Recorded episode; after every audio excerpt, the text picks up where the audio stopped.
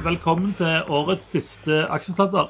Mitt navn er som alltid Erlend Arnøy, og i dag har jeg med meg Sven Egil Larsen, uh, aka Traderen. Komma Erlend Henriksen, Jalla-kongen.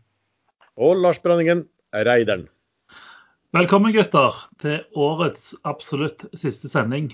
Uh, for et år det har vært. Men Lars, skal vi ta uh, den disclaimeren før vi sier noe mer? Ja, har den klar med en gang, som alltid. Oi! Vi, vi gir ingen råd. Dersom du hører på hva vi sier her om markedet, aksjer, enkeltaksjer og livet for øvrig, er ansvaret helt og holdent ditt eget. Feil kan forekomme i det vi sier. Panelet og panelets gjester kan være lang, kort, direkte eller indirekte eksponert i aksjer, selskaper og produkter som omtales i programmet. Veldig bra, Lars.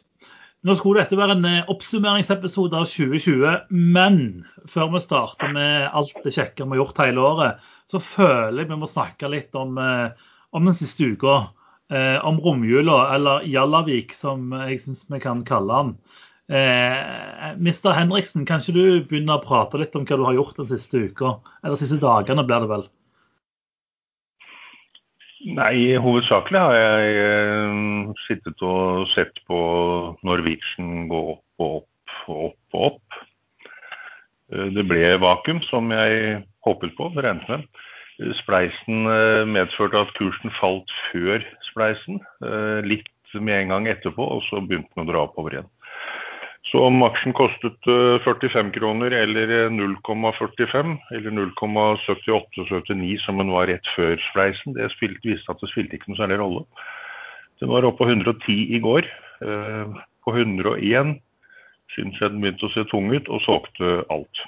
Bortsett fra litt som jeg har på en privat konto. Så det ble en fantastisk reise, og nå har jeg spredd meg litt mer. Nå er jeg en såkalt seriøs eh, spredningsportefølje uh, i, i seriøs jalla. Så du kommer til å velge Norwegian neste gang du skal ut og fly òg?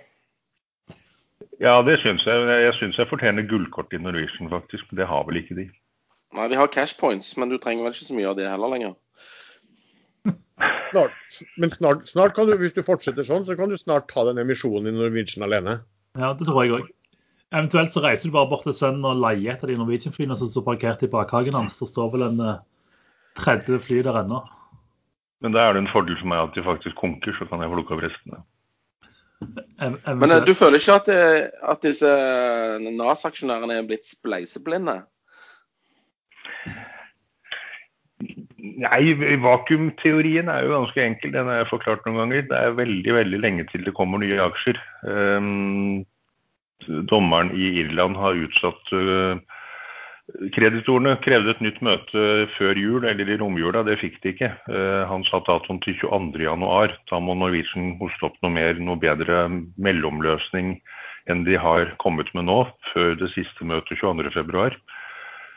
Så verken emisjonen eller eh, nye aksjer fra konvertering av eh, kanskje 20-30-40 milliarder kroner i gjeld, det, det tar mange, mange uker før de kommer. Og da er det dagens aksjer eh, som er i spill.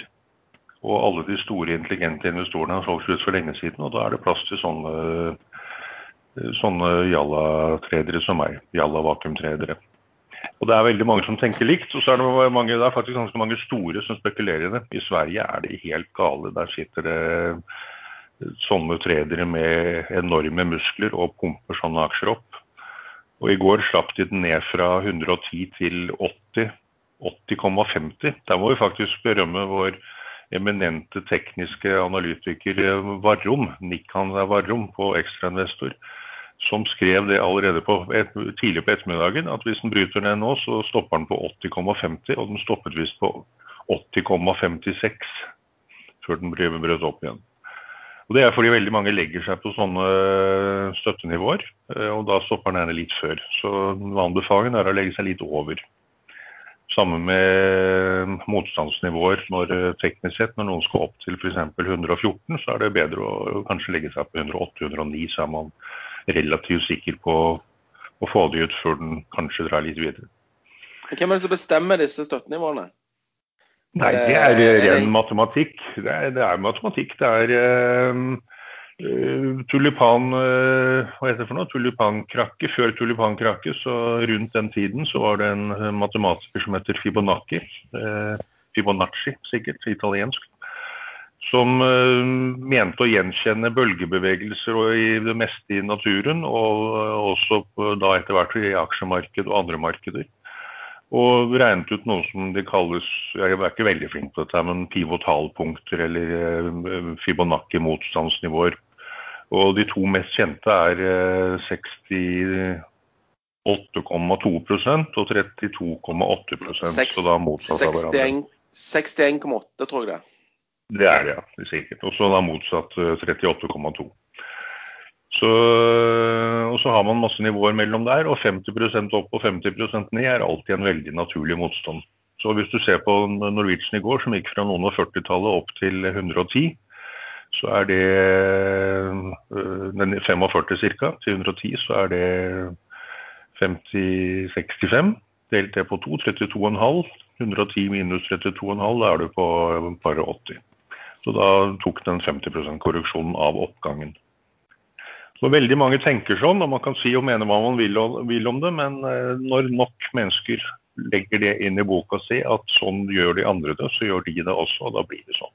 Selvoppfyllende profeti. Men et sånt spørsmål, jeg, jeg skjønner, hvis, men hvis veldig mange bru, gjør bruk av det, kan man ikke, da begynner ikke da folk å frontrønne at Jo, man begynner å nærme seg de, sånn at, sånn at da blir de støttenivåene, for toppnivåene, Ja, det Det blir, eh, det blir faktisk mindre og mindre spenn i disse. Men så hvis, eh, hvis noen da regner med at skal korrigere 50 og plutselig drar den nedover der, eh, da kan den godt gå forbi eh, 61,8% fall også, eller stigning. For da er det mange som får panikk, og mange ryker på stopplås, og veldig mange ligger i tapssonen. Men det er sånne hjelpelinjer. Man kan ikke gå blindt etter disse. Men legge seg litt over og Ja, litt jeg har under. hørt at disse, jeg har hørt at disse hjelpelinjene er ganske populære nå i romjulen. Altså, jeg, jeg ser Ja, på, mange hjelpelinjer. Ja. ja, du tenker på far og mor er slemme og det blir litt mye alkohol og sånn. Det var dine ord. Men, men, men eh, den der eh, tekniske analyse er ikke bare fordi at eh, aksjen er totalt verdiløs og det er ikke noe annet å trade etter. Og Da bare trenger man noen streker og tredje oh, nei, det, det virker like godt på Equinor og Statoil eller Equinor og Telenor som alt annet. I, i, er, i, i, I mange av fundamentale nyheter så bruker vi dette. ikke sant? Men du, jeg tenkte så, så når jeg- sitter sånn i romjula og ser på en del sånn Man tenker fundamentalt, og så, så skjønner jeg jo ingenting av verdien. Og så slo det meg litt i helgen at, eller i romjula at det må jo være litt deilig å kunne drite i å sitte og tenke på hva det her er verdt. For at hvis du bare ser på teknisk, så vil du jo alltid ha veldig mange muligheter. Du slipper å tenke liksom risikoen for det, og nei, dette er egentlig konk og alt det der. Det åpner seg jo veldig mange treningsmuligheter, da, selv om, om det blir riktig eller gærent, det vet jeg ikke. Men Kan jeg svare kort på det? Ja. Ja. Veldig deilig å slippe å regne på det. Jeg solgte til og med prim, primstaven min nylig, så slipper jeg å ofre mer tid på det. Men jeg, eh, skal, Ja, ja. jeg, skulle bare, jeg skulle bare si at jeg mistenker at det har kommet til veldig mye folk som, uh, som ikke har noe sånn særlig interesse for hva Jeg, jeg tror vel, jeg skrev vel på Ekstremester at det er 20 år siden jeg sist jeg kan huske så mange hadde så uh, fullkommen manglende interesse for hva selskapet bak holdt på med å kunne være verdt. Det er helt galskap, men noe av det som har bidratt veldig sterkt til dette, det er jo algoritmetreningen. Eh, ultra high frequency de bryr seg jo ikke om det fundamentale i det hele tatt i sine algoritmer. Sant? Jeg vet ikke helt hva de treder etter, men jeg mistenker sterkt at det må være Fibonacci-tall. Kanskje en del av programmeringen. Mm. Men eh, er det bare Norwegian som er tradet sist uke? Jeg føler jo på Ekstrainvestor så trades jo alt, og alt går opp. eh, Og alle er fornøyde. Hva har dere andre tradet i, i Jalla-uka? Nei, eh, jeg husker ikke. Jeg var med på en emisjon hos Fearnley i noe som heter Horisont Energi. Jeg vet ikke om jeg har fått aksjer eller ikke, men han closa i går. Tegna må Eh, ellers Ja, var du, snek du deg òg med det? Det er ikke ofte du liksom eh, prøver å deg aksjer her. Nei. Men eh, da må denne være Don, eh, altså Bankers. Ja. Jeg, eh, jeg så det var det sto om han i avisa, men jeg Ja, jeg fanget spetalen og KLP ved karbonfangst. Eh, Det er et Stavanger-selskap som jeg aldri har hørt om. Men, men. Samme det. Hvis Øystein syns det er kjekt og bra, så, så er det sikkert mange andre òg som syns det. Men da er spørsmålet hvem selger først, Spetalen eller Sven? Det er nok Sven. Men jeg tror ikke jeg får aksjer engang. Det er han sikkert så populære. Du, eh, Sven, jeg kan bare si, jeg vet jo at vi har tegna oss. og um, Tegningsstedet, jeg tror, det, tror det er en del som jobber der, og de har kanskje ikke fordelt aksjene ennå. Så uh, jeg regner med at du er en sånn flipper som ikke burde få aksjer. Mens jeg derimot har tenkt å sitte veldig lenge, lenge. Så jeg håper at de legger vekt på det når de skal fordele aksjer. Jeg tror det er det eneste de legger vekt på, er hvor raskt du tegner. Jeg tegner med en gang. Hva gjorde du? Eh, før deg Kj- kj- Kjenner jeg deg greit, så, kjenner jeg deg rett, så skulle du lese prospektet og sånn òg. Så eh, det, det, det er det dummeste du kan gjøre. La, la oss sende vel tegningen med faks òg, eller brevdue, Altså det, den kom jo fram seint. Sånn det. Men det har vært eh, veldig mange veier fram til suksess i år. Eh, Selv har jeg knapt nok rørt verken hydrogen eller ESG-aksjer. Du har tatt den litt kronglete stien, du. Eh, men allikevel eh, eh, kommet til, til nirvana før oss, liksom. Det, du, Ja, det har jo ikke vært så stor konkurranse når jeg har gått inn i ting, og så plutselig så, så oppdages mulighetene av andre. Men jeg, jeg plukker ikke aksjer som kommer til å ligge i tre måneder før de rører på seg. Jeg, jeg tar dem sjelden før de beveger seg, men de store massene kommer til etterpå. Ja, jeg er vel mer sånn som tar noe som ligger dødt, og så, og så beveger det seg etterpå. Mens du tar dem mens de er i bevegelse. Du Ja, hopper på, på eh, Polarcus toget i fart. Jeg tok Polarcus i går, for der fikk jeg veldig god fundamentale begrunnelse for hvorfor den aksjen burde opp. Eh, det var i forgår, faktisk. For, ja, mulig. Jo, stemmer det. I forgårs eh, kjøpte jeg en del Polarcus. Eh, De har eh, Neste låneforfall er vel i 2023. Eh, De har isbryteregenskaper på båtene sine og er da kanskje preferert Pluss at de er definert som grønne. Sikkert mindre drivstoffforbruk, jeg aner ikke. Og nå er det jo da Høyesterett har vedtatt for et par dager siden at er, regjeringen har lov til å åpne opp Arktis. Så da kan jo det plutselig bli noe. Men den lå stille hele dagen. eh, og allerede da halve dagen var gått, da syntes jeg dette tok altfor lang tid, og solgte meg, eh, solgte meg ut i flere bolker. Så jeg var helt ute dagen etter. Kan ikke vente en hel dag på at noe skal skje.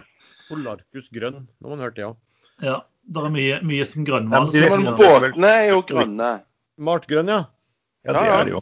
Vi burde kjøpt aksjer i Jotun, sånn med all grønnmalinga som skal brukes framover. Tenk, tenk hvis Green Reefers hadde vært på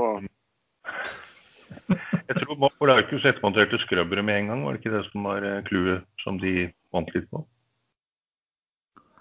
Jeg, er ikke sikker, men uansett, de ligger fremdeles nede på 0,45, 46, 47. Så hvis noen har lyst til å prøve seg på Polarcus har jo vært en tidligere tredjerundling, og den har jo tatt sånne 300-400-500% drag før. Den kan helt sikkert gjøre det igjen. Den ligger på 0,48, og jeg prøver å dumpe ut uh, masse aksjer. Men uh, det er ingen kjøpere, så den skal ingen vei i dag, for å si det sånn. Til glede for de som eh, ønsker å kjøpe. Hvis du går to øre ned, så får du kjøpe, men da må du sikkert ta et lite tap. Det var det jeg gjorde. Ja, nei, jeg, jeg selger med pluss, jeg. Eh, men jeg ligger med 2500 aksjer i åpent volum og ja, no, noen bøtter, nei, halv bøtte bak.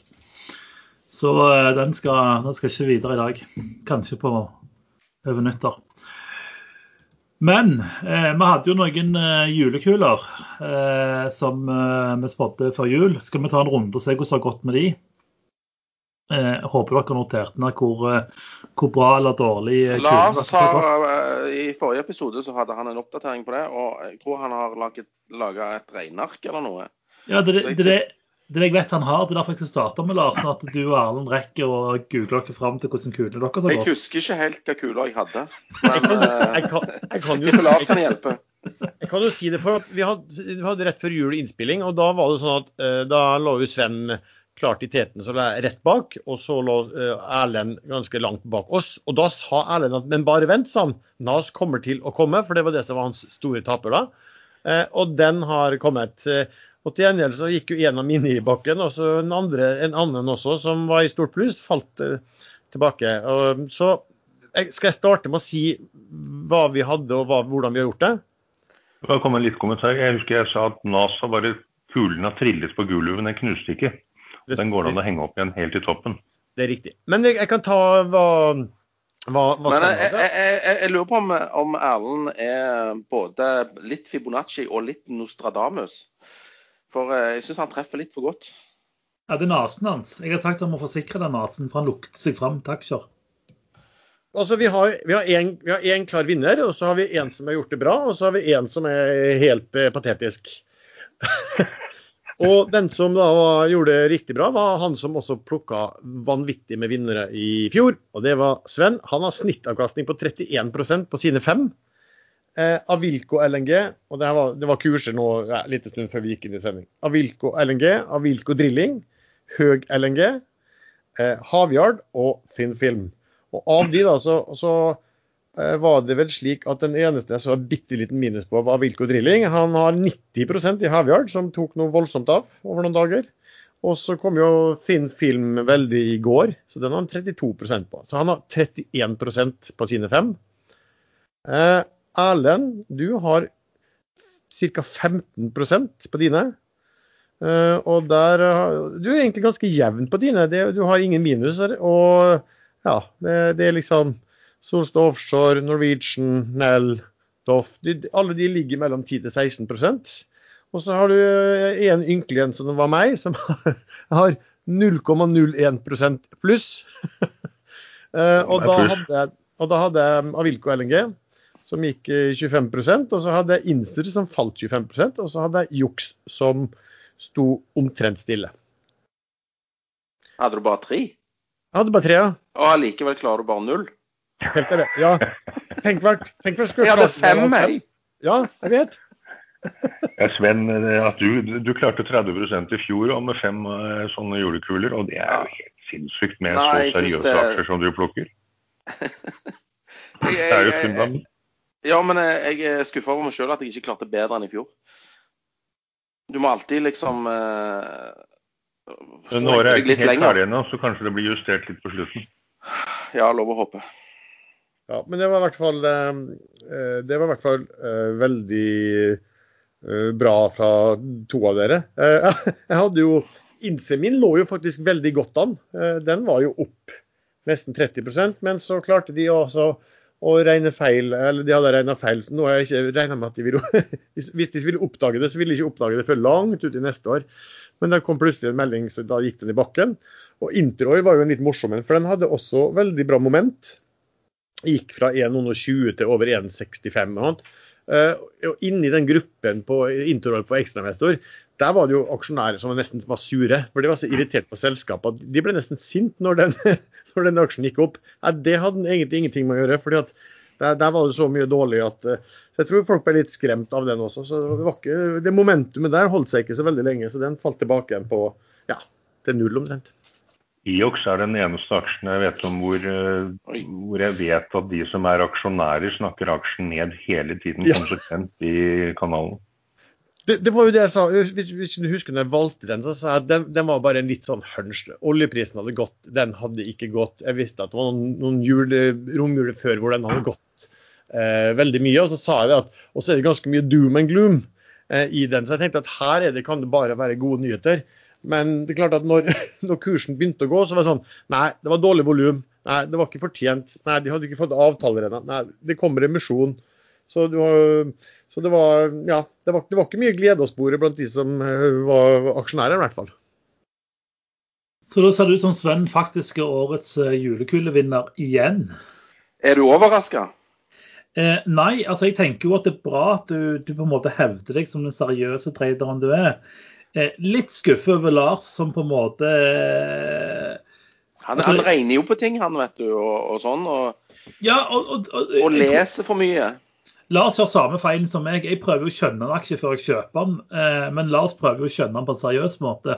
Så det er tydelig at eh, meg og Lars vi kan bare pensjonere oss og outsource alt til, til Jalla- Jallafondet AS. I julen, Erlend. I julen. det ligger ganske mye jobb bak disse Jalla-aksjene. Jeg, jeg, kan det veldig godt. Eh, jeg hadde ikke turt å gå så tungt inn i Norwegian hvis jeg visste at det kunne konke i morgen. Men eh, når de, er i, når de er konkursbeskyttet, så er de konkursbeskyttet. Da skjer det ikke noe før neste rettstermin. Nei. Sven, du ville si noe du òg? Nei, jeg har glemt ut noe. Hukommelsen til deg og Lars, altså. Jeg er litt bekymra for dere. Nei, vi tenker vi har gullkorn, og så blir vi avbrutt, og så glemmer det ut. Sånn er det bare. Vi har så mange gullkorn at vi glemmer dem så fort. Er du med det? Ja. Og det dukker opp et nytt hele tiden. Du har ikke vurdert å få liksom en liten sånn bok du kan skrive ned i ting i? Uh, nei, vet du hva, før jeg glemmer det. Jeg har solgt bitcoinen min. Ja, jeg vet det. Jeg skal mobbe deg for det seinere i dag. ja, OK.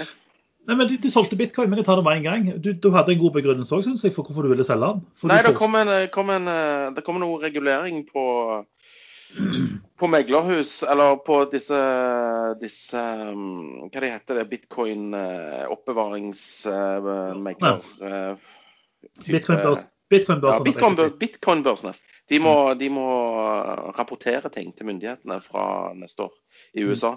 Og da tenkte eh, da blir det mye vanskeligere. Men uh, han dippa et par tusen dollar, og så solgte jeg rett før han dippa på 24 000. Uh, var egentlig happy med det. Uh, men så dreit jo folk i det da, etterpå.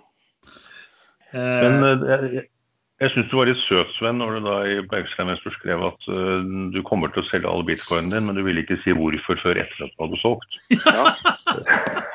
Så, så må du jeg, jeg, jeg nei, men, men, ikke at uh, du ja, men clouet men var at uh, det var en uh, relativt profilert uh, tvitrer som da hadde tvitra dette her. Og han jo er i CNBC ganske ofte, og hadde tvitra det til alle disse redaktørene i CNBC.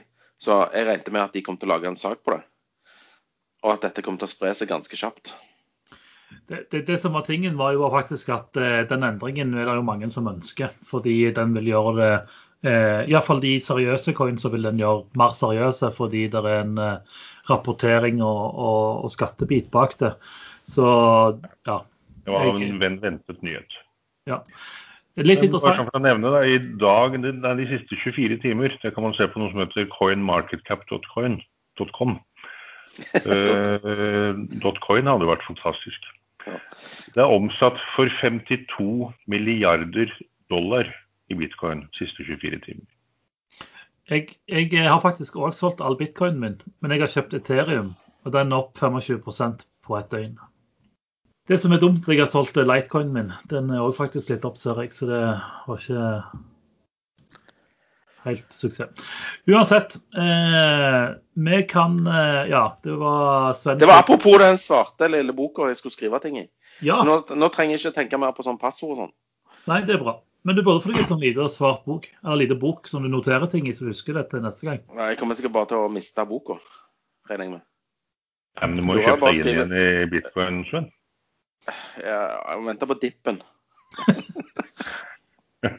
Du, du, kan kjøpe et Ethereum. Eh, den har eh, ikke steget like mye som bitcoin, og mange mener den skal ta samme, samme utvikling som bitcoin, så da skal den eh, tredobles. Dagens sponsor er som alltid IG.com. IG.com er en stor internasjonal nettmegler med kontorer flere plasser i Europa og notert på London-børsen. Lars, vi har jo prata mye om bull- og bærprodukter, og IG de har jo noen produkter som dekker dette området.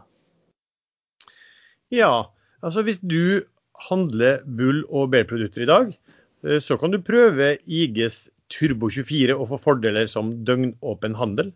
Eh, I motsetning til vanlige bull- og bærprodukter, så kan du få uforstyrret tilgang til markedene hele døgnet.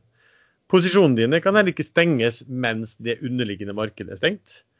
Eh, og du får, kan få tre ganger, fem ganger eller ti ganger eller mer i giring hvis du handler Turbo 24.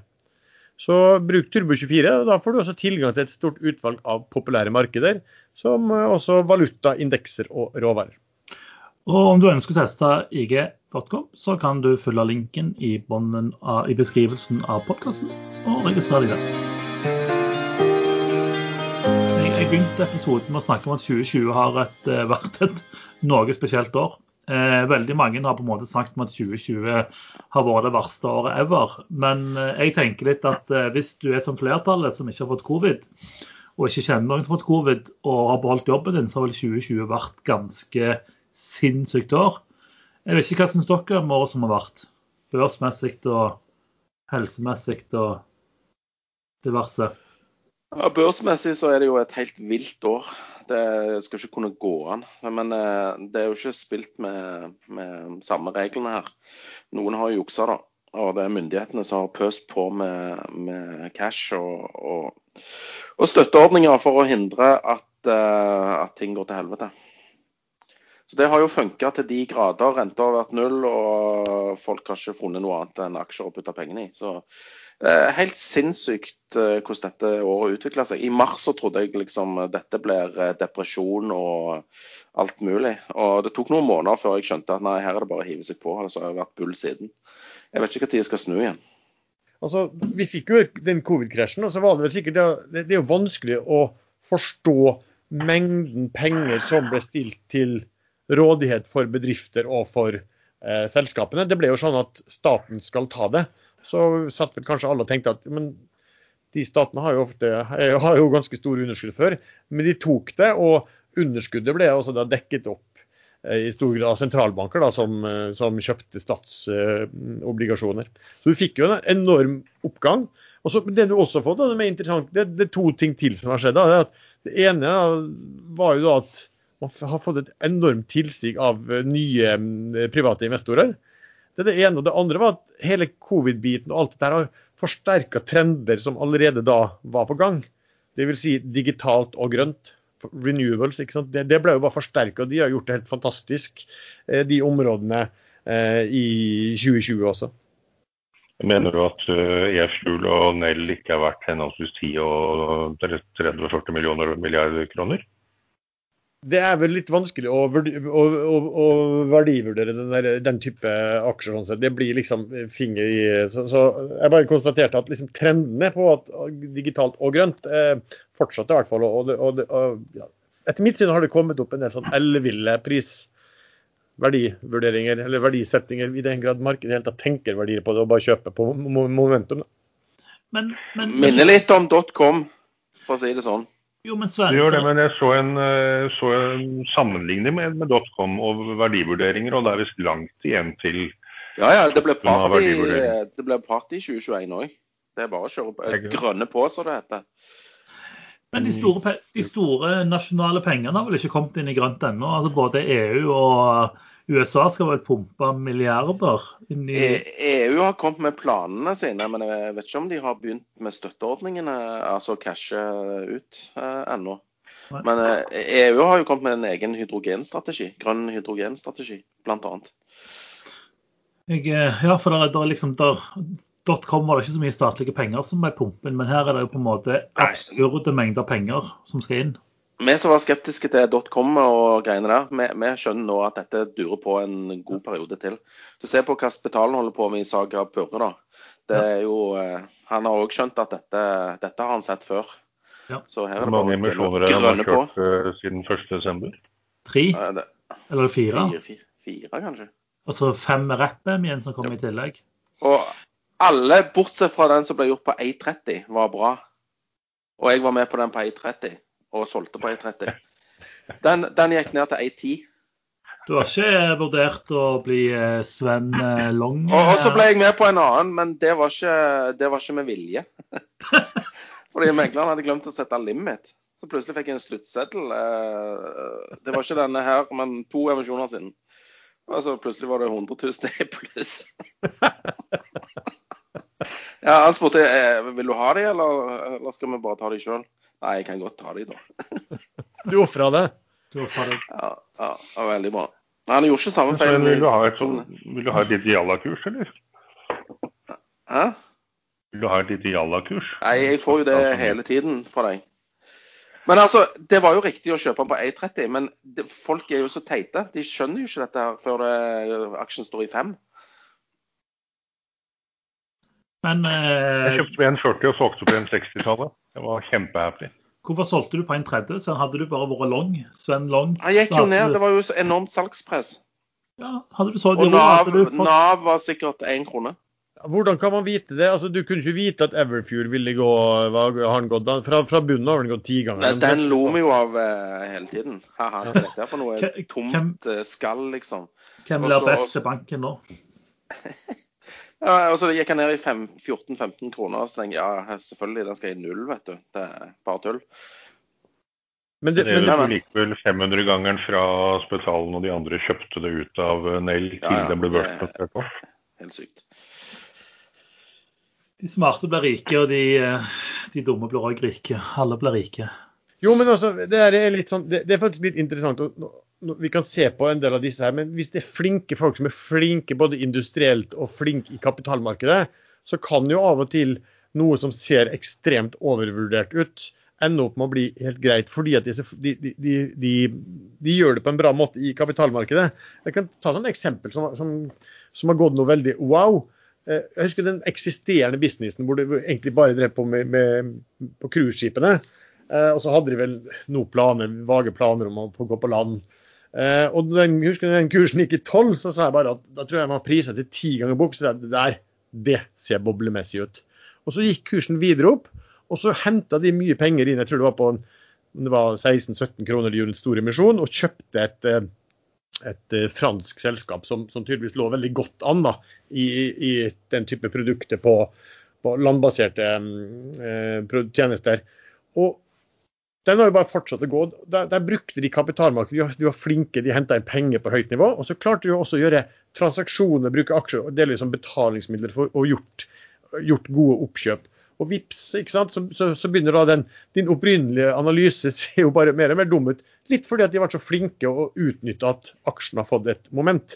Så, så det kan jo fort skje med en del av de, eh, de eh, aksjene her. Altså, jeg tipper Everfuel altså, vil være veldig overraska hvis de ikke gjør flere oppkjøp eller kommer det store emisjoner eller der i løpet av ganske kort tid.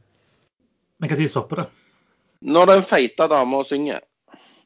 Sven sier jo at det her vil bare fortsette, og det kan godt være. Men spørsmålet, altså, det, det du kan være sikker på, at det kommer til å være stor etterspørsel etter grønne investeringer også i 2021. Eh, og så er mitt sånn her at ja, men nå, nå ser alle hva som skjer. Og alle kommer stormende inn for å hente penger av nye IPOs. Og selv, altså ethvert børsnotert selskap med litt sånn respekt for seg sjøl, de, de sitter og vurderer om kan vi gjøre, altså Bare se hva Røkke og Aker har gjort. Aker Solutions har spant av Aker Offshore Wind og Aker Carbon Catcher. Kapp, knapt nok kjent og knapt nok, knapt nok priset i Aker Solutions. Og, og, og så ser du verdsettingen nå. Så mange jobber akkurat med den typen der å, ta på børs. Og så er det for øvrig litt interessant at, at Oslo hadde hatt 20% av alle børsnoteringer innenfor EU-EØS-området i, i 2020. Eh, og Det sier også at man oppnår veldig god Det er en grunn til at du går på Oslo Børs, da, hvis du, hvis du er fra et annet land. og Det er jo for at, selvfølgelig for at du får sikkert bra likviditet, men du, du klarer det for at du får en veldig høy prising her. Men altså, en, en ting er jo på en måte alle de grønne pengene. og Nå vet vi jo på en måte EU skal dundre penger inn for harde livet, og Norge er jo i gang med å dundre penger inn. Men samtidig så sitter det, altså hvis, hvis du da er på en måte blant de i Norge som har jobb, som er flertallet, for i Norge er det jo veldig få som egentlig har mista jobben, hvis man ser på totalen. Folk har ikke fått Snakk lov å for deg reise. sjøl. Vi eh, oss andre tre har vel egentlig ikke jobb, har vi det? Henriksen har jo eget selskap. Ja, jeg har jo eget selskap, men jeg får fortsatt ikke lønn. Ta ut lønn, Sven. Du må ta ut får du lønn. ikke pensjon. Nei, jeg får ikke pensjon. Det er, altså, Nei, men hvem er det som tenker på oss tradere, liksom? ja, Slutt å syte, la meg komme til poenget. Tingen er da at folk, folk sitter jo stappa røde og fulle i penger fordi man får ikke lov å reise. Og så Poenget er hvor havner alle disse pengene? Havner de på børsen? Eller havner de på en måte i, i butikker og markedet neste år? Altså De havner i- måte- Bitcoin. Eksempel. Men så er tingen, hvorfor driver alle sentralbankene og trykker penger som fulle sjømenn? Jo, fordi de er redde for inflasjon, fordi inflasjonen blir så lav. Men hva skjer når alle disse pengene som da bare bygger seg på kontoen for de som da har jobb, som er flertallet i Norden, hva skjer når de havner i markedet? Jo, da stiger inflasjonen, og da må jo de øke renta. Og så går det kanskje galt, eller så går det kanskje bra. Men jeg er veldig spent på 2021. Jeg. Eh, men jeg tror òg det blir party-party. Men eh, det kan fort snu seg. skal vi prate videre om året som var. Eh, skal vi ta eh, årets beste trader? Er Folk, har folk eh, gått gjennom eh, sine 5000 sluttsedler og sett på hvilke trader var virkelig bra?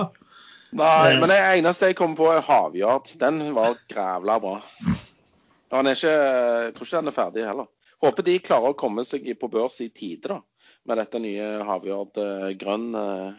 Det, det, det, som, det som slår meg, Sven, er at på en måte den her hukommelsen din er sånn vi er snakker, veldig selektiv. Veldig vi, snakker, selektiv. vi snakker liksom ikke dager, vi snakker helst i timer og minutter.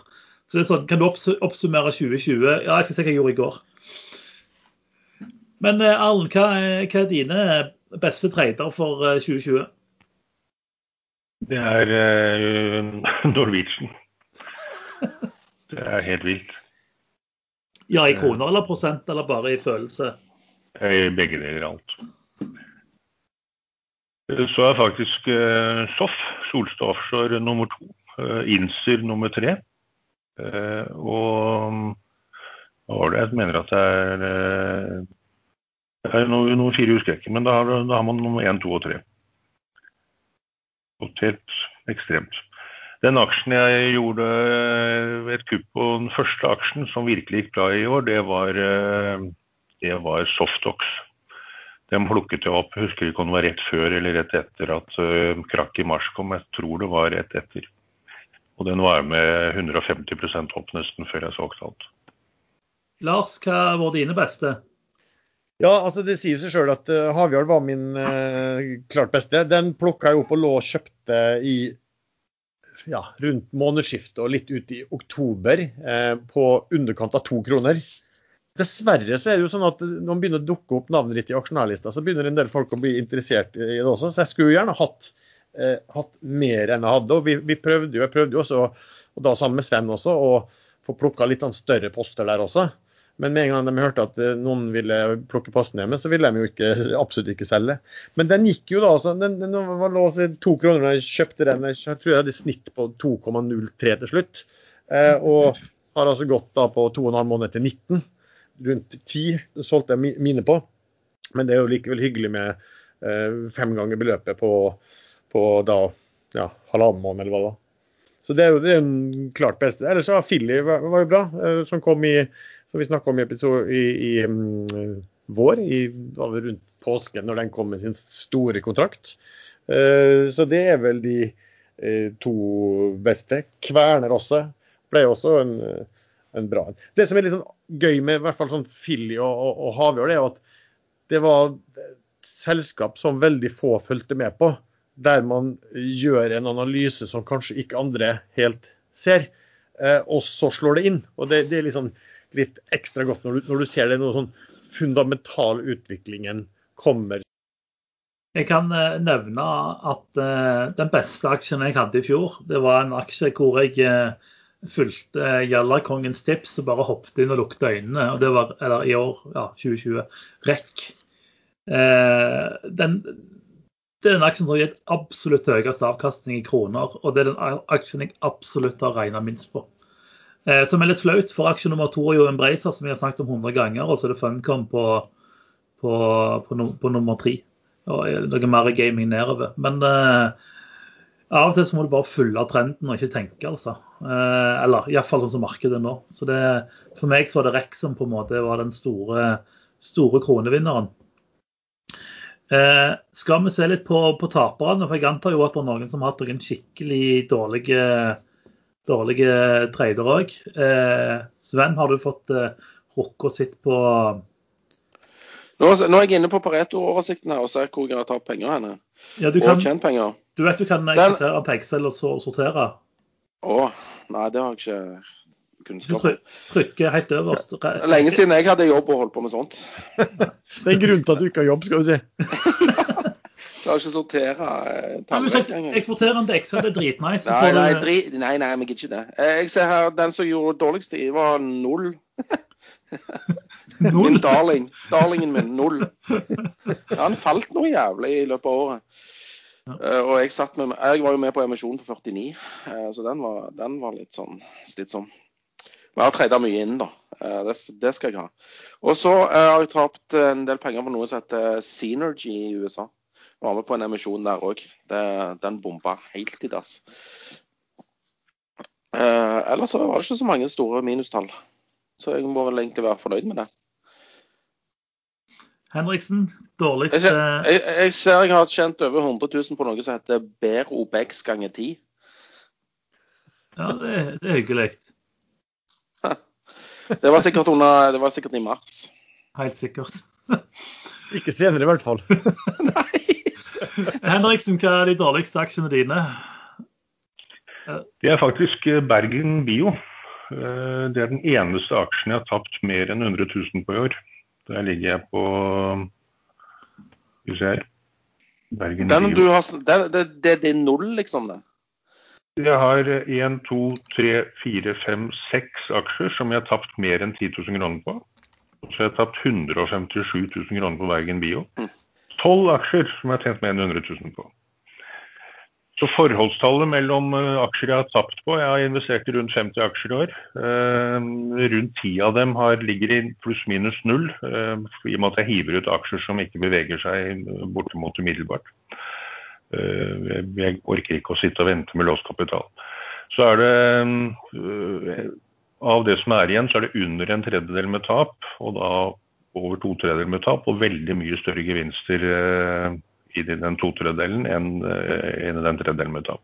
Så det, det jeg gjør i tillegg til å kjøre jalla vakuum, det er at jeg kapper tap umiddelbart så fort det lar seg gjøre. Bortsett fra sånne konseptaksjer som Bergen Bio. Den eh, har jeg såpass stor tro på at jeg kjøpte akkurat en god del Bergen Bio nå. Jeg tror eh, den har blitt solgt jevnt og trutt ned nå. Jeg tror det er eh, fond som var med i emisjonen, eh, som skal tømme ut litt aksjer før årsslutt. Hva de kaller det, Windows dressing, eller Så fjerde AP-fonden, fjerde, fjerde AP, de har solgt noen titalls tusen aksjer hver eneste uke de siste ukene. Solgt ja, og det er egentlig de eneste som selger. Topp 50 er utrolig stabil. Eh, Så fra og med første børsdag eh, i 2021 så ser jeg ikke bort ifra at den aksjen kan dra oppover igjen. Den ligger også i bunnen av en trendkanal, så den tror jeg blir bra. Og hvis de kommer med BEM79 nytt, at det funker, så går den aksjen tregangeren. Og kommer det nå enda bedre kreftstudier, som visstnok skal komme noen flere resultater nå tidlig på nyåret, så kan den gå både fire og fem ganger. Vi snakka om din verste tredje år nå. Ja, men det var Roer jeg meg litt langt ut. Bitte litt. Skal vi hoppe videre til Lars? Hva er dine, dine verste trader? Du, før jeg sier det, for at nå, nå avbrøt jeg litt, eh, Erlend. også, Ja. Da må jeg bare ta opp, for det, det kom faktisk Erlend, en, en, en lytter som kommenterte inn eh, eh, til meg at eh, vi burde la deg snakke mer. Vi syns at vi hadde latt altså Erlend Henriksen snakke litt eh, for lite. Eh, det er selvfølgelig for at jeg klipper meg bort hele tida.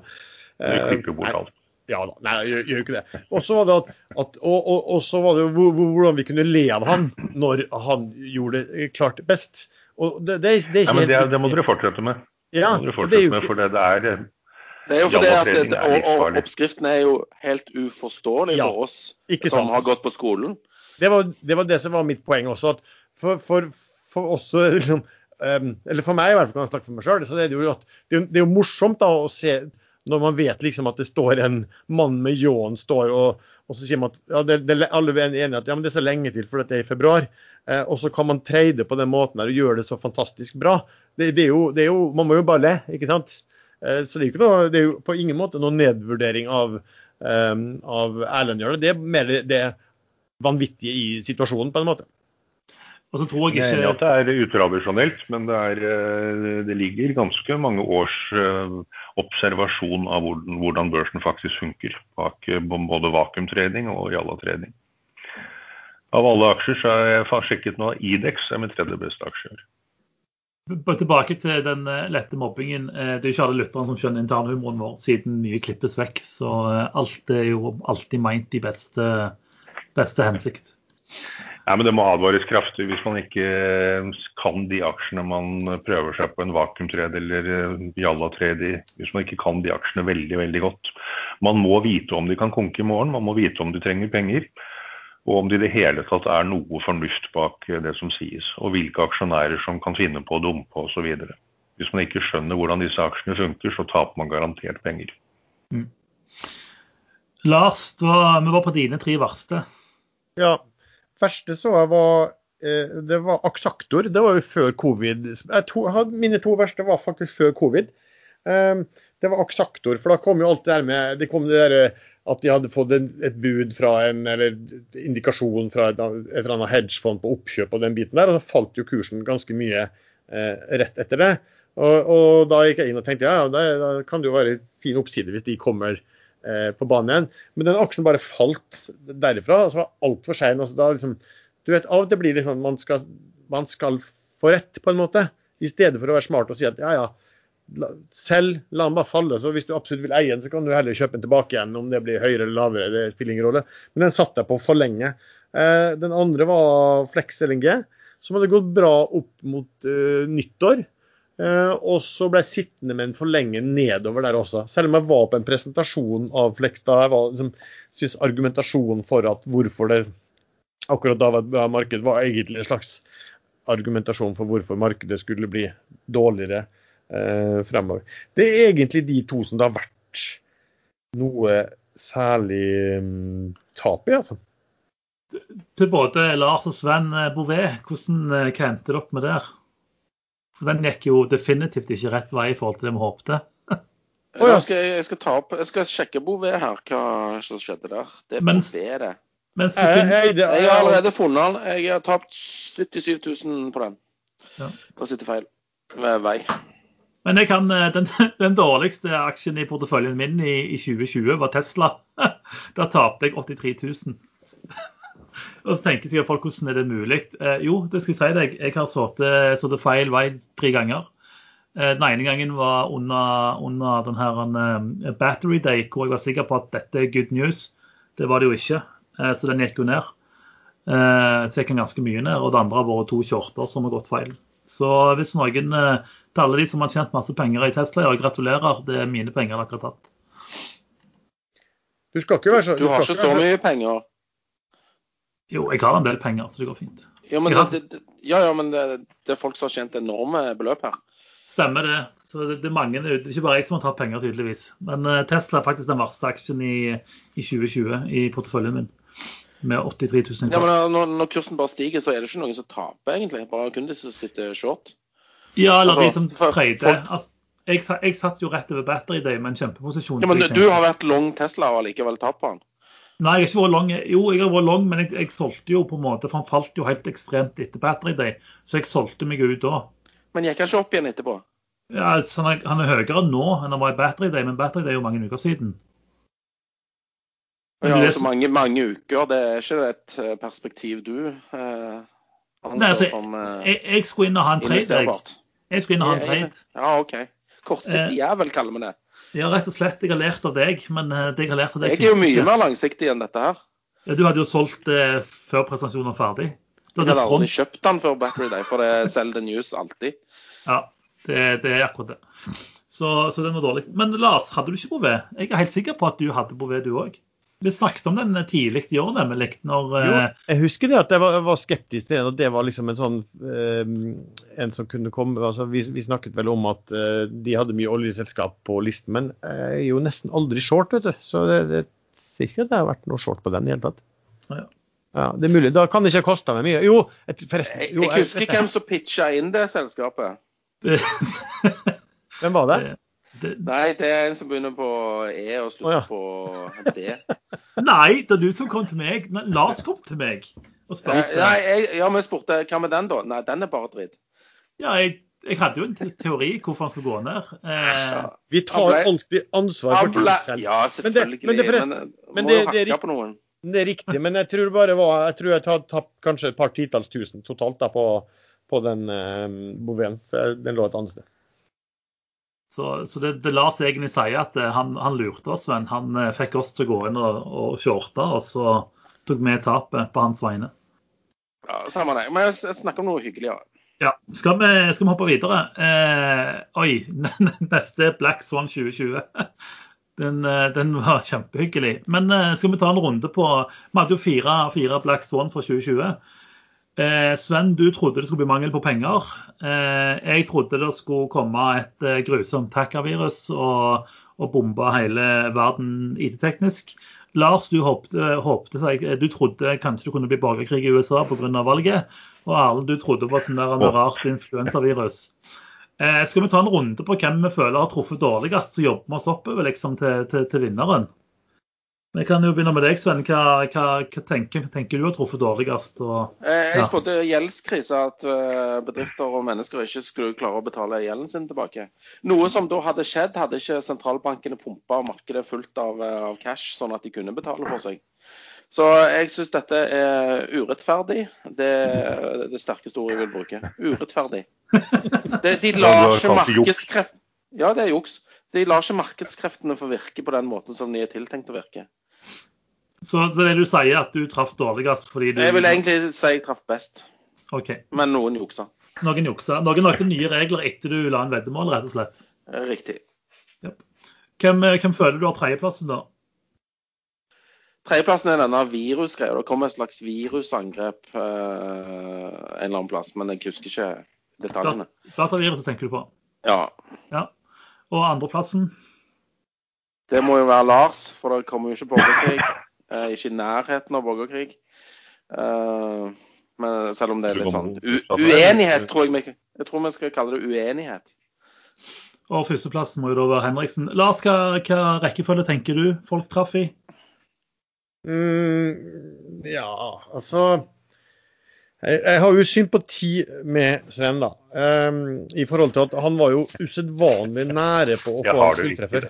Men, men det, det, han var usedvanlig nære hvis det ikke hadde fantes sentralbanker og politikere.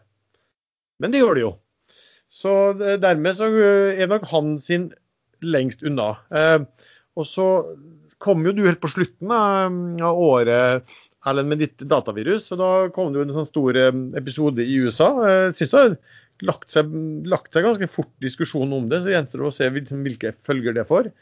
Eh, så tror jeg min altså Borgerkrig det, det, var nok et stykke unna. Men det er klart, det var en del bråk, og, og, og det, det, kunne nok fort blitt Hadde det blitt enda jevnere i valget, så hadde det blitt verre. Og gudene vet, altså Nå er det ikke tatt Nå er ikke presidentembetet overflyttet ennå.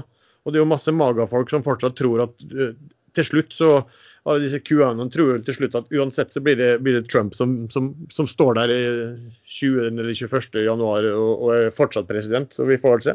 Men Erlend er jo en klokkeklar vinner fordi at den, den eh, på en måte var så, var så far-fetched, og så, um, og så, og og så traff en sånn innertier.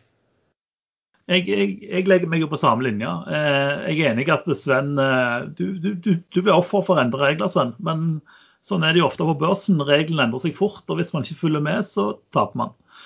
Eh, min var jo, altså Teorien rundt min Black Swan var jo egentlig litt av det vi så eh, eh under den Ukraina-krisen, hvor noen lagde et virus som plutselig angrep noen sykehus i England eller sånne ting som ikke var planlagt. Eh, nå var det rett og slett et svært hackerangrep i USA, og, og, flere har kalt det eh, USAs Pearl Harbor og masse sånne ting bullshit. Eh, men, men, men, den type hackerangrep er der hele tida. De, de, gjorde ingen skade, de bare stjal informasjon.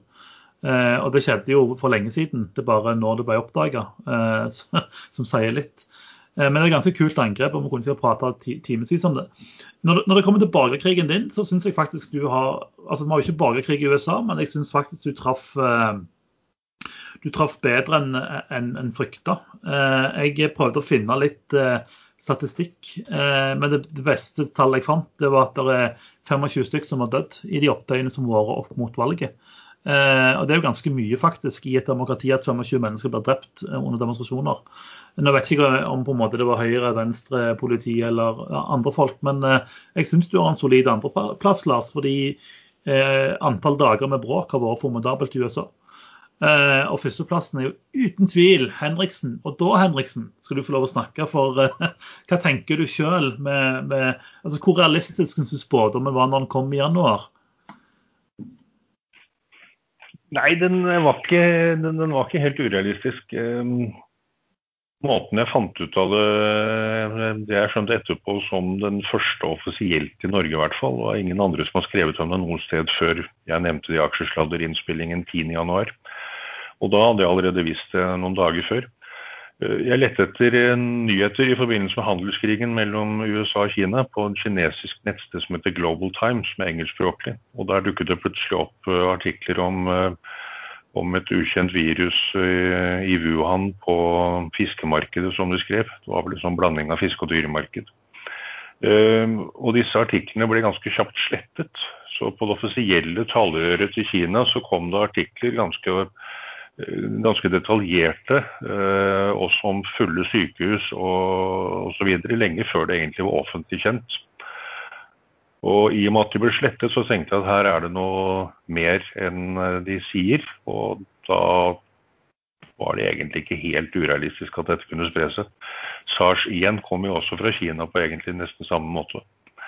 Så vi hadde vel ikke sånn 100% trygghet på at dette kom til å slå til, men eh, allerede 16.1 så var det offentlig i hele verden. Og, og Cambridge, ikke Cambridge College, er det det heter? Nei, sønnen min har studert der, så jeg burde vite det. Cambridge er et eh, universitet. Nei, ikke Cambridge, det er uh, ah, Hva heter dette? Jeg kommer på det snart.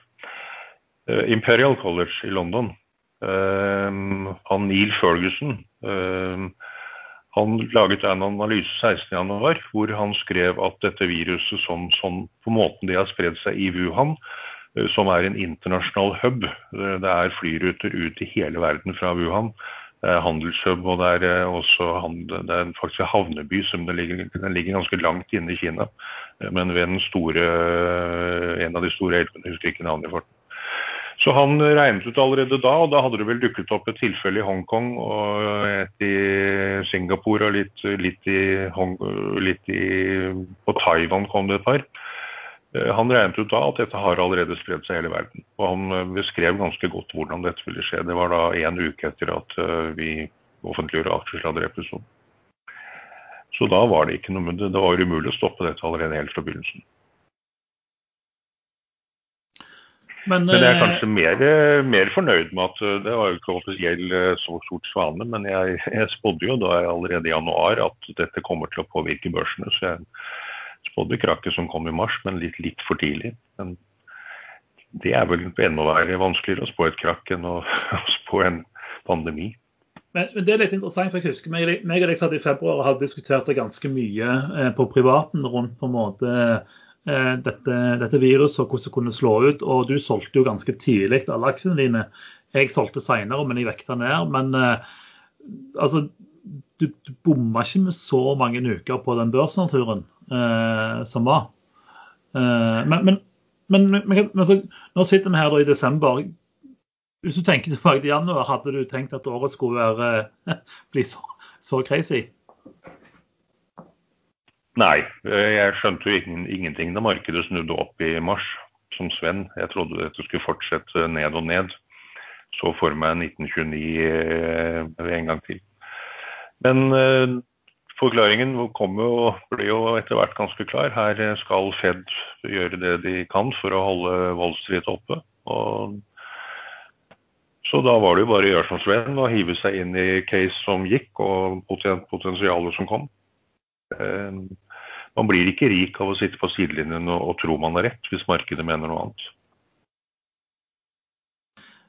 Nei, jeg er helt, jeg er også sjokkert over hvordan markedet gikk. Men da sitter vi med fasiten og når vi ser mengden dollar og euro og eh, eh, yuan og alle andre penger som er trykket, så skjønner man jo at eh, Men er ikke det så er det viktige? Det er rentenivået.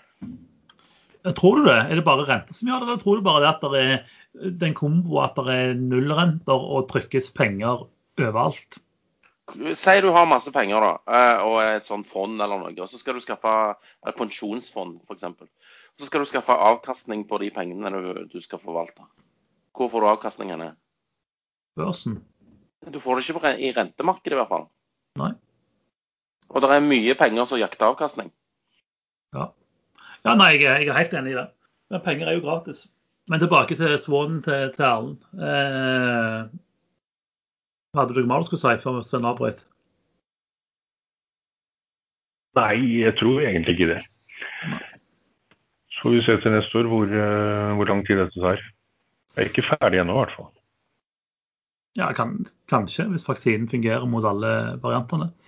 Men eh, Lars, du da? De sa i går på, kan man nevne det da, eh, USA skrøt jo Trump og hans undersåtter at de skulle vaksinere 20 millioner før januar. De har vel kommet opp i eh, 1,2 millioner.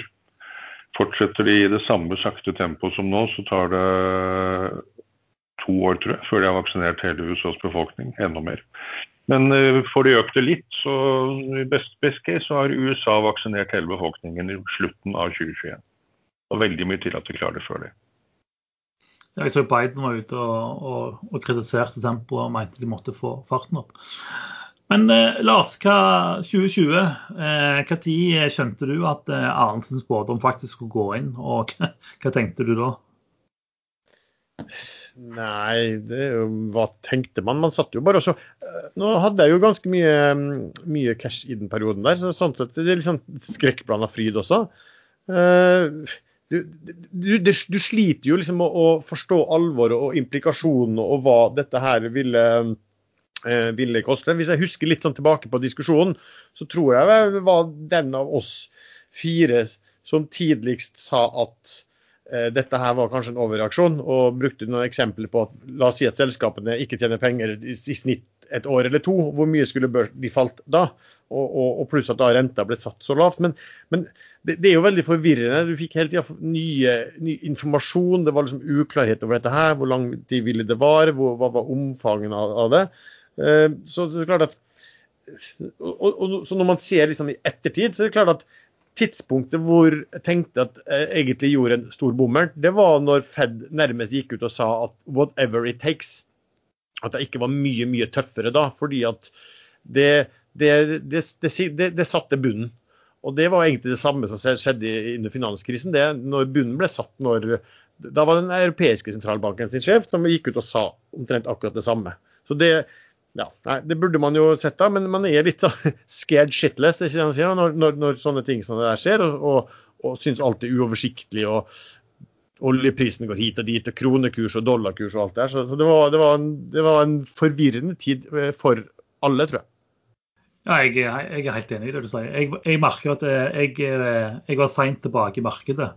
Eh, fordi jeg tenkte at nå, nå er det spanskesyken 2.0, og nå skal det bli fælt. Men eh, som du sier, når Fed på en måte gikk ut og sa vi har, vi har alt tilgjengelig, alt skal brukes, eh, så var det et signal på kjøp. Her har det her onkel Sam i, i, ryggen, og vi støtter dere. Og det har de jo gjort i aller høyeste grad. Jeg tenkte vi kunne Vi må jo kåre Eller jo, vi må jo kåre årets sladdertrader. Eh, fordi eh, nå har vi hatt et helt år med trading, eh, og vi har prata mye om traderne våre i, eh, i episodene. Men eh, det er vel, eh, det er vel en, en paneldeltaker som har utmerket seg. Hva tenker dere?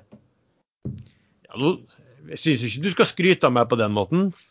Nei, jeg skryter jo ikke ennå, Lars. Men uh, ville vil du nominere deg sjøl, var det det du sa? Nei, altså hvis man ser litt uh, objektivt på det og, og, og, tallmessig på det, så tror jeg ikke jeg ville nominert meg sjøl. Nei. Nei. Nei. Hvem vil du nominere, da? Nei, altså det er klart at jeg vet jo litt hva Altså, det at Erlend treffer på, eh, på den Black Swan så godt altså det, det jeg hadde veldig imot ham for det, for han var veldig påståelig på at, at dette forutså han. Og da var det litt sånn at OK, hvorfor har ikke du tjent grisemye penger da på fallet? Eh, så, så, den holdt det kanskje litt imot ham, men så syns jeg han har vært utrolig flink i å trade eh, utover eh, høsten og, og, bare sett hva han har gjort i de elleville eh, Jarle-aksjene.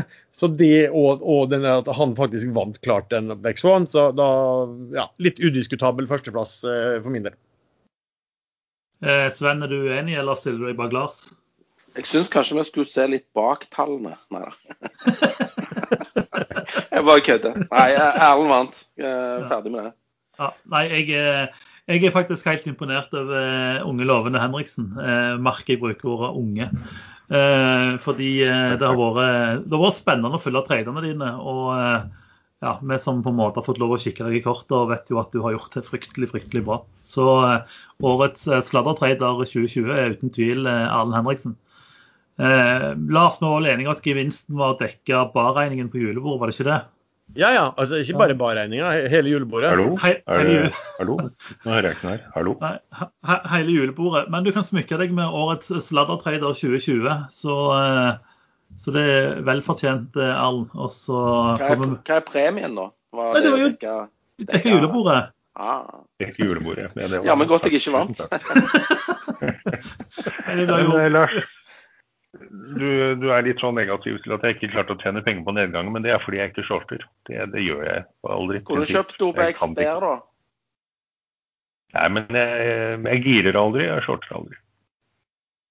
men, Jeg klarer ikke å snu hodet fra å tenke opp hva skal opp til, og tenke hva skal ned. Ja, ja, men helt altså, der går jo opp når ting går ned. Ja, den går opp. Den er som en vanlig aksje, bare den reagerer omvendt. Men eh, jeg, jeg vil jo si at bare det å sitte cash når fallet i mars kom, var ganske smart i seg sjøl. Da starter du jo med, starter du med 100 cash, mens andre starter med 60-70 cash.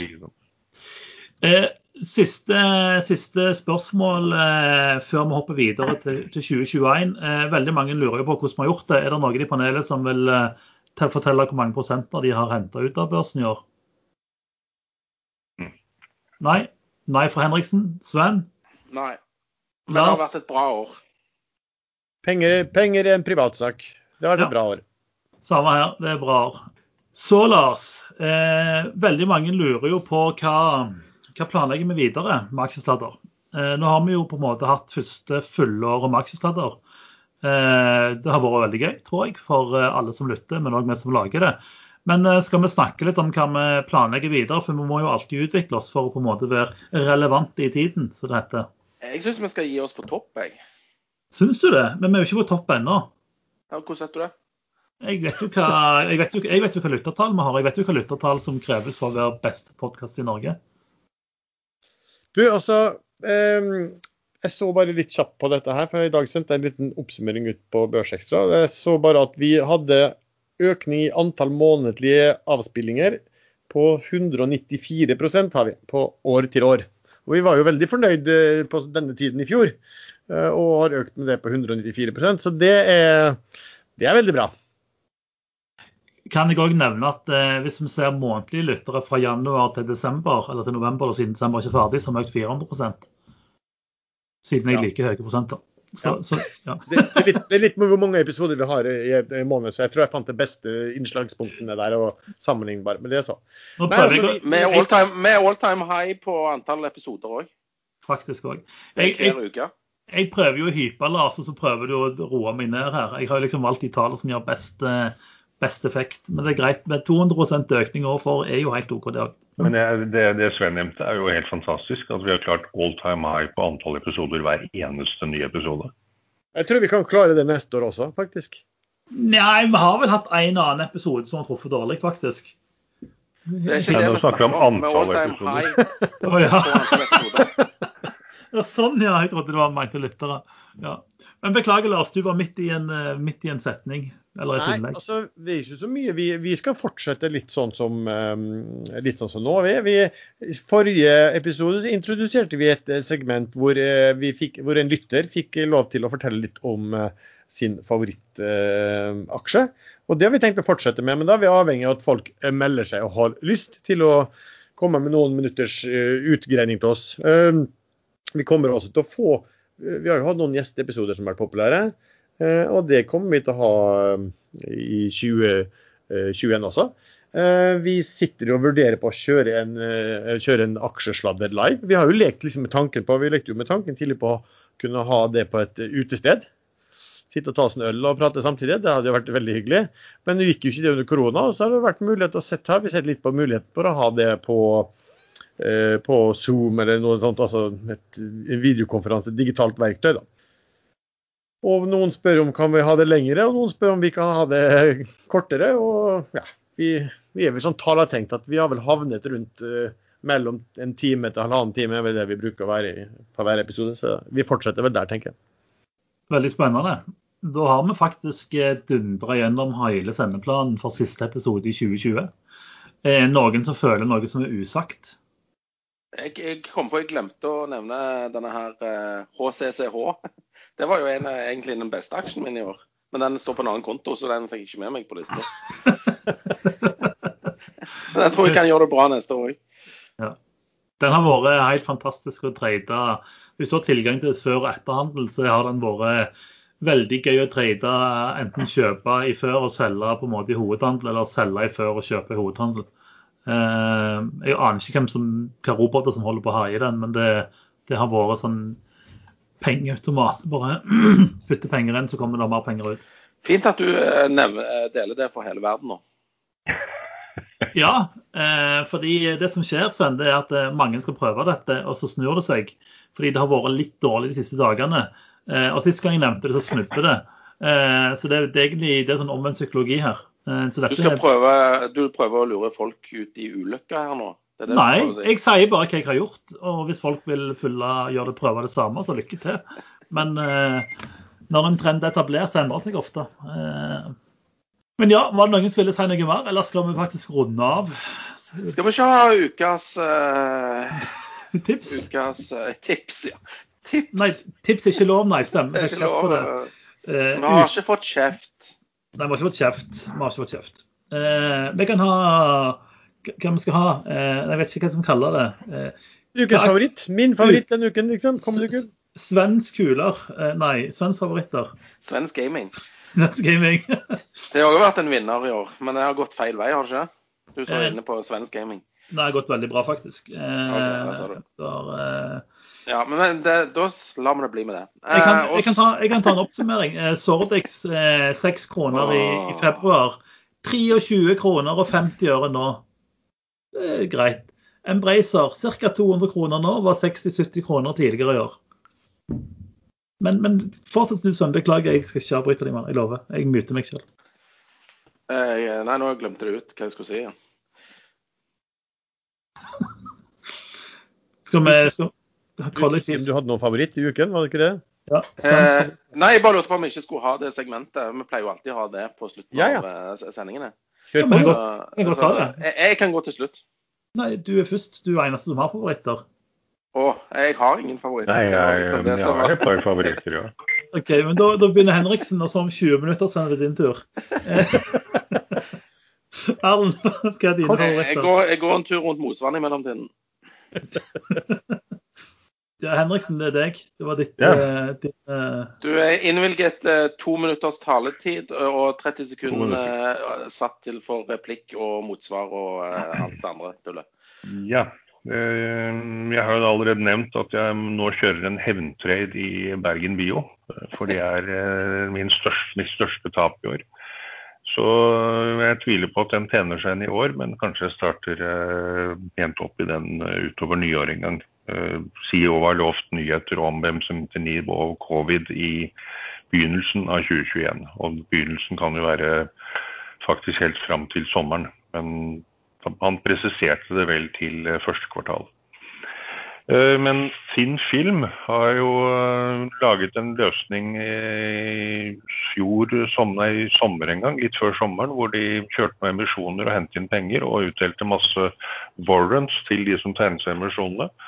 Og de løses inn jevnt og trutt. og det, Den første emisjonen var på 11 øre og masse warrants, og så kom det en emisjon på 25 øre og masse warrants på den.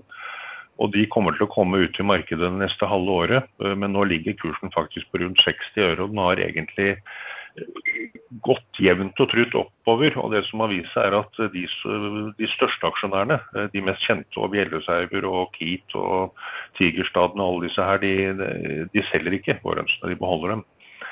Så det tyder på at her er det en gjeng som har funnet ut at dette er en aksje som skal pushes opp. eh, Litt som eh, Idex, og det er litt samme eierkonstellasjon bak dette her. Så den tror jeg kan dra pent utover våren, på tross av 25 øres warrants, som, også noen 11 øre vel, som kommer jevnt og trutt. Eh, Men det gjør det også relativt enkelt å skaffe seg litt aksjer hvis man tar sjansen på et sånt system. Og så har de da noe de kaller eh, hva er de kaller det, flate batterier som lages på rull, som, som de skulle lage tagger og eh, sånn på rull før. Så øh, hvis det funker med de batteriene, så blir det jo konge. Eh, Da blir det kjempemye verdt. Men man må gå ut fra at det aldri kommer til å bli solgt en eneste sånn batterisak fra dem. Men kanskje de får det til denne gangen. Og så er QSE, Quester Energy det er en god stund siden de var oppe og snuste på gamle høyder. Den var helt ned i 67 øre, eller kanskje enda lenger ned. Nå ligger den rundt 1,50. Um, og det er fordi um, det har vel kommet noen ny regjering i Quebec. Det kan se ut som at det kanskje blir lov å hente opp gassen de har i, i, i Quebec. Uh, da skal aksjen reprises. Um, og så var Binnan selvfølgelig smart. Eh, Canada kom med hydrogenstrategien sin. Eh, og CEO Binion hang seg på og sa at USA skal lage hydrogen og lagre CO2. Og da er de plutselig inne i ESG-markedet og hydrogenmarkedet på en gang. Og, og, han er veldig flink til å selge inn case. Eh, om det blir noe gass eller olje eller hydrogen fra dem noensinne. Det gjenstår å se. Men, men, her er det luft og kjærlighet og håp og tro og drømmer som kommer til å bli solgt inn på nyåret. Vi trenger ikke penger umiddelbart. Og av, av erfaring historisk så vet man at det er ganske mye pushing av den investeraksjen som skjer i forkant. Da kommer gjerne en analyse eller to, og så er det tilfeldigvis de samme bankene eller meglerhusene som kjørte analysen, som også får emisjon. Det var mine. Lars, har du noen eh, favoritter eh, for uka som kommer? Ja, altså, det var jo sånn at uh, Goodtech lå vel i over 13 kroner når det kom ut at han uh, Spetalen hadde solgt seg under 5% og har tydeligvis solgt seg ut. Jeg tror han er omtrent ferdig nå. Uh, og i går så kjøpte også styrelederen uh, aksjer i Goodtech også. Så, og den ligger nå også. Ja, Hvis han er ferdig, så tror jeg den kommer til å få et sånn eh, rekyl. Alt annet av, som har ESG i seg, har jo gått eh, eller veldig mye det har gått ganske kraftig, i hvert fall i romjulen. Eh, og så, har jeg jo kjøpt eh, Cloud, tegna med emisjon. Den, den, har gått ganske mye nå siden emisjon på ganske kort tid. Sto stille, men har begynt å gå de siste eh, to dagene, egentlig. Men den, den, er jo litt sånn som har stått, altså Alt annet har gått. har, Det er jo vannkraft og vindkraft, mens alt alt innenfor vindkraft har jo bare gått veggimellom. Så har den stått ganske stille. Jeg tror den prises nå på en sånn prisbok på kanskje det er på 1,5 nå. Um, mens hvis du ser på sånn, sånn Aker uh, offshore vind, er jo priser på prisbok på bare, over 6. Jeg husker ikke hva Magnora er i farten også. Um, så, de har vann, vet du. De, de, de skulle ikke hatt den vannbiten. Nei, de får, Sky High, vet du. Det de burde gjort. Fisjonere ut og børsnotere den òg. Har du mye... stabilt vannkraftselskap, og så har du et Sky High vindselskap. Mens mange av de andre kanskje bare har intensjoner og håp om å få lisenser, så er jo disse, disse eh, i gang eh, med vindkraftutbyggingene sine, og, og har også avtale med eh, aktører som kommer inn på eiersiden sammen etter at de har utviklet, som gir dem gode mm, verdier. Den tredje, som, den tredje man kan følge litt med på, jeg sier ikke kjøp nå, men følg litt med hva som skjer det er Philly Shipyard, som jo var en av mine store gevinster i året. Altså, Der er det en tydeligvis eh, stor eier, amerikansk eier, som, som, sitter og selger ut, og ganske aggressivt nå de siste dagene. Den er nede på ja, noen og 50 kroner nå. Altså begynner å nærme seg at du får den til ned mot nettcash igjen. Ikke så veldig mye selve virksomheten prises til. Eh, de har jo også fått ordre på 630 millioner dollar bankens budsjett igjen, så kan du godt se for seg at de får nye storkontrakter i, i løpet av en måned eller to. Men følg med litt sånn det, det, er sjelden smart å gå inn og kjøpe noen ting når noen ligger og pumper ut uh, aksjer og bare vil selge og selge ganske aggressivt. Men det er også veldig interessant å følge med på når de slutter å selge eller eventuelt går tomme. Da, da er det gode muligheter. Så følg med på den.